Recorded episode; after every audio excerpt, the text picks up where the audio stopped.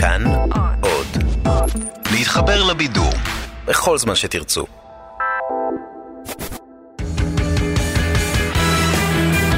פעם בשבוע, עם תום אהרון, המונולוג המרכזי.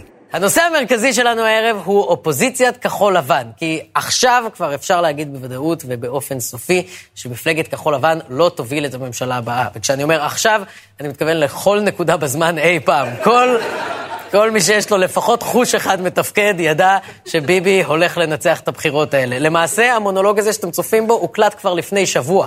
אני... אני בחו"ל עכשיו בכלל, וכשכחול לבן זכתה ב-35 מנדטים, היא זכתה להוביל את האופוזיציה, ועכשיו רק נותר לשאול, מפלגה שאיחדה שלוש מפלגות שונות, שהקשר האידיאולוגי ביניהן הוא לא ברור, והיא עומדת בראש האופוזיציה, איך זה ייראה? אנחנו הולכים לעמוד כקבוצה, כסיעה, כמפלגה, ששמה לעצמה באמת לשרת את החברה הישראלית. אז עם מנעמי שלטון, בלי מנעמי שלטון, יש לנו מנעמי המטרה שבגינה הגענו. אני באתי לא בשביל שררה, אני באתי בשביל מטרה. אני באתי בשביל החברה הישראלית, ובאתי באמת ממקום של אהבה גדולה לחברה, ממקום של אהבה גדולה למדינה. אנחנו לא הולכים רק לאופוזיציה, אנחנו הולכים לכנסת כדי להתחיל משם את הסיבוב הבא. אני מודיע מראש מפה לליכוד, לנתניהו, לקואליציה. אנחנו הולכים למרר את חייכם. וואי וואי וואי, איך אמר לו? שמעת ביבי? אין, יאיר בא למרר לך את החיים, הוא הולך לגמור אותך, הוא הולך לאמלל אותך, הוא יעשה לך כל כך רע שאתה הולך להתחתן איתו ולעשות לו שני ילדים, אחד מניאק ואחד יחסית בסדר, אנחנו חושבים, הוא לא מדבר הרבה. יאללה יאיר, בוא נשמע, איך אתם הולכים למרר לו את החיים? אנחנו נדרוש ועדת חקירה ממלכתית לפרשת הצוללות, אנחנו לא נרפה מכתבי האישום של נתניהו, אנחנו נהפוך את הכנסת לזירת קרב. ואנחנו נעשה עוד דבר. אנחנו נראה לאזרחי ישראל איך נראית אלטרנטיבה אמיתית. נראה להם איך החיים שלהם יכולים להיראות עם שלטון שאכפת לו מהם. עם ממשלה שלא מחלקת את הכסף שלהם לפוליטיקאים, עם הנהגה שלא מפחדת להגן על ערכים של שלטון החוק וחופש דת והגנה על החלשים. לא באנו הנה כדי לסכם את קמפיין 2019. באנו הנה כדי לפתוח את קמפיין הבחירות של 2020. אוקיי, אוקיי, אה, בינתיים אתם עם ההצלחה של 2025, אבל סבבה. מה... מה זאת אומרת, יאיר, תהפכו את הכנסת לזירת קרב? כאילו, אוקיי, אני מבין שתדרשו ועדת חקירה ממלכתית לצוללות, אני מבין גם שזה יכול לקחת לכם חלק נכבד מהקדנציה, כי אתה בטח תתעקש לקחת פאוזה של חצי שעה בין מילה למילה. ועד שתסיימו לדרוש שיקימו ועדת חקירה, זה ייקח בין שנה לשנה וחצי, תלוי אם גם מי שיענה על הבקשה למד לנאום מאותה קלטת וידאו שאתה שכרת בבלוקבאסטר בשנת 97, כשעוד היה דבר כזה בלוקבאסטר. אבל אחרי שסיימתם, אחרי שסיימתם עם זה, מה תעשו? איך תציבו אלטרנטיבה? כי אם אתם מתכוונים להציג השקפת עולם שונה משל ביבי וגישה שונה לטיפול באתגרים שיש למדינה, גישה שמתבססת על פילוסופיה פוליטית שיכולה לתת קונטרה לפילוסופיה הפוליטית של ביבי, אז אל תבינו אותי לא נכון. אין ספק שבני גנץ ומיקי חיימוביץ' הם האנשים למשימה. אדם שהפילוסופיה הפוליטית שלו היא להיות בצבא, ואדם שהפילוסופיה הפוליטית שלו היא להיות בטלוויזיה. אין ספק שהם צריכים להוביל את הדיון. ואגב, אין לי ספק שמיקי חיימוביץ' הייתה מובילה את הצבא הרבה יותר טוב משגנץ יודע להיות בטלוויזיה. אבל כשמסתכלים על מפלגת כחול לבן, אי אפשר שלא לשאול, במה תפיסת העולם שלהם כל כך שונה משל ביבי? נגיד בנושא כלכלה, אתם בכחול לבן חושבים שהמדינה צריכה לקצץ בשירותים לאזרח כדי להקל את נטל המיסים, או שאתם מאמינים שהמדינה תפקידה הוא לדאוג לרווחת הפרט גם במחיר של העלאת מיסים והגבלת השוק החופשי? בואו נזכר נגיד בהכרזה של כחול לבן על התוכנית הכלכלית שלהם. אנחנו לא מחויבים תמיד להכרזות גדולות, אנחנו מחויבים לשינויים גדולים, ונראה לי שמה שחשוב זה שבאמת חיי היומיום של האזרחים עצמם ישתפרו, ואנחנו נוכל לקדם את זה עבור כל האזרחים. נתוני המקרו, טובים ככל שלא יהיו, המבחן העליון שלהם הוא מבחן האזרח. לא רק מבחן המדינה, אנחנו צריכים לשאול את עצמנו מי תורם להישגי המקרו ומי נהנה מהישגי המקרו. אנחנו צריכים לגעת, לגעת בחיים עצמם. מה זה המילים האלה? מה... התוכנית הכלכלית שלכם היא לחטוף שבץ? אתה צריך עזרה, גנץ?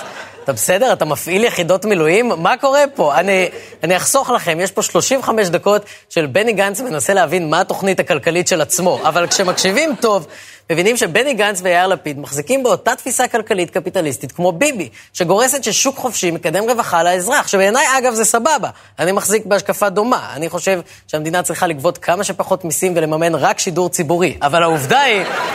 העובדה היא שזאת לא עמדה שתעזור לכחול לבן למרר לביבי את החיים.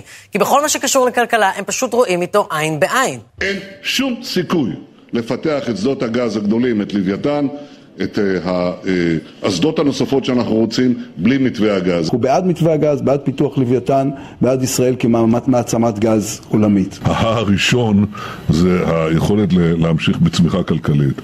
לצורך זה אנחנו גם מקפידים לשמור על המסגרת הפיסקלית. חייבים לנהוג באחריות פיסקלית ובאחריות תקציבית מלאה. אין מדיניות חברתית בלי מדיניות כלכלית של צמיחה. כל אחוז צמיחה שאנחנו נצליח להוסיף ויהיה גם ריאלי, אלא הוא לא יהיה רק נומינלי, אנחנו נוכל לקבל סדר גודל של 12-13 מיליארד שקלים בשנה, נוכל להשתמש במשאבים האלה ולהשקיע אותם במנועי צמיחה. כן, רק אה, חבל שאת כל מנועי צמיחה הם בזבזו על גנץ ולא נשאר כלום ליאיר. כן, כן, כן, עשיתי בדיחת נמוכים, כן? אני חושב שכבר ביססתי את זה שאני אפנה את הגב לכל קהילה שאני חבר בה בשביל בדיחה. זין, זין על כל תימן גם. אבל הנקודה היא... הנקודה היא שגנץ ולפיד מחזיקים באותה השקפה כלכלית של ביבי, ולכן גם בתחום הזה הם לא יכולים להיות אופוזיציה לוחמנית. עכשיו, לי הבטיחו מכות, ו... וכן, כשאני גדלתי ברעננה, התנגשויות אידיאולוגיות על רקע כלכלי הייתה הגרסה שלנו למכות. אז אם לא בכלכלי, אולי בתחום אחר. אולי המאבק האידיאולוגי של יאיר וגנץ מול ביבי הוא בכלל בתחום המדיני-ביטחוני. אולי יש לכם תוכנית אמיצה שתאתגר את התוכנית ההססנית והבלתי עקבית של ביבי מול הפלסטינים. המצע שלכם נהדר אה, תוכנית אה, מדינית, מה קרה? ירדת לזה? אני לא חושב שזה נכון. יש במצע תוכנית מדינית מפורטת, ברורה, ו...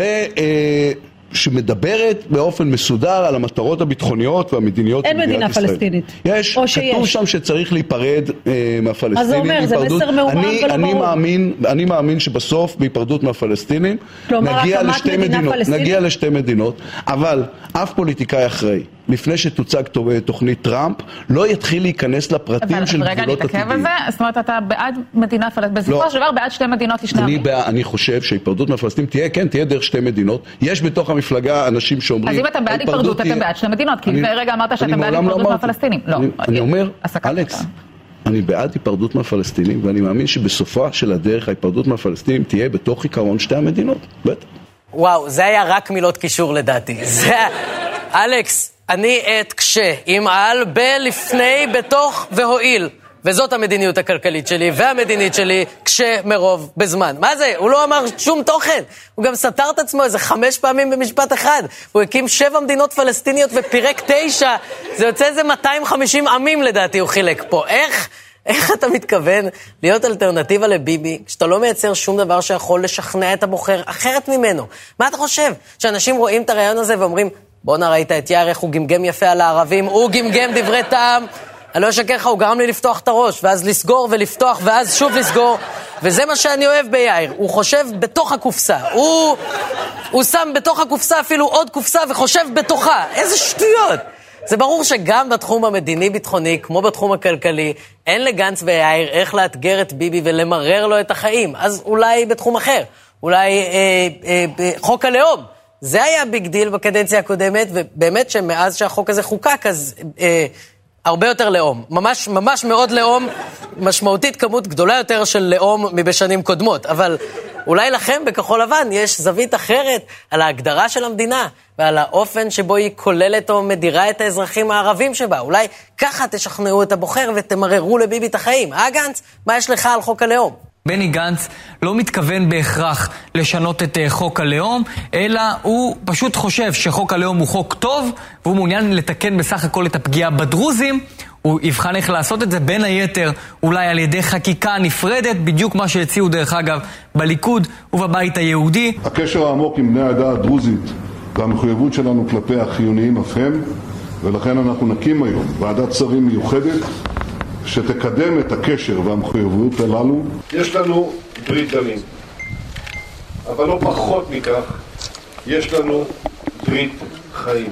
נעשה את כל שביכולתי לפעול למען תיקון נכון של החקיקה שיביא לידי ביטוי שיביא לידי ביטוי את הקשר העמוק והבלתי ניתן לניתוק לא רק בקרב, אלא גם בחיים. יואו, יואו, יואו, מה גנץ הולך לעשות לביבי? יואו, וואי, וואי, הוא הולך לתקן את החוק הבסך הכל טוב שלו, יואו! את החוק שביבי בעצמו התכוון לתקן, וואי, וואי, וואי, פעם עשו את זה לבן דוד שלי, הוא מת מזה, אימא'לה! אימא'לה! רוח.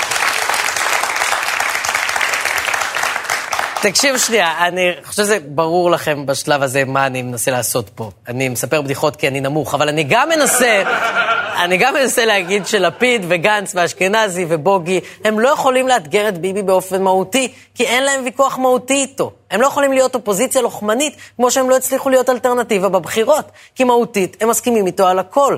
גם עוד דברים, כמו זכויות להט"ב ולגליזציה וזכויות הפרט והפרדת דת ומדינה, אנחנו בדקנו הכל. ואולי בגלל זה הם הפסידו.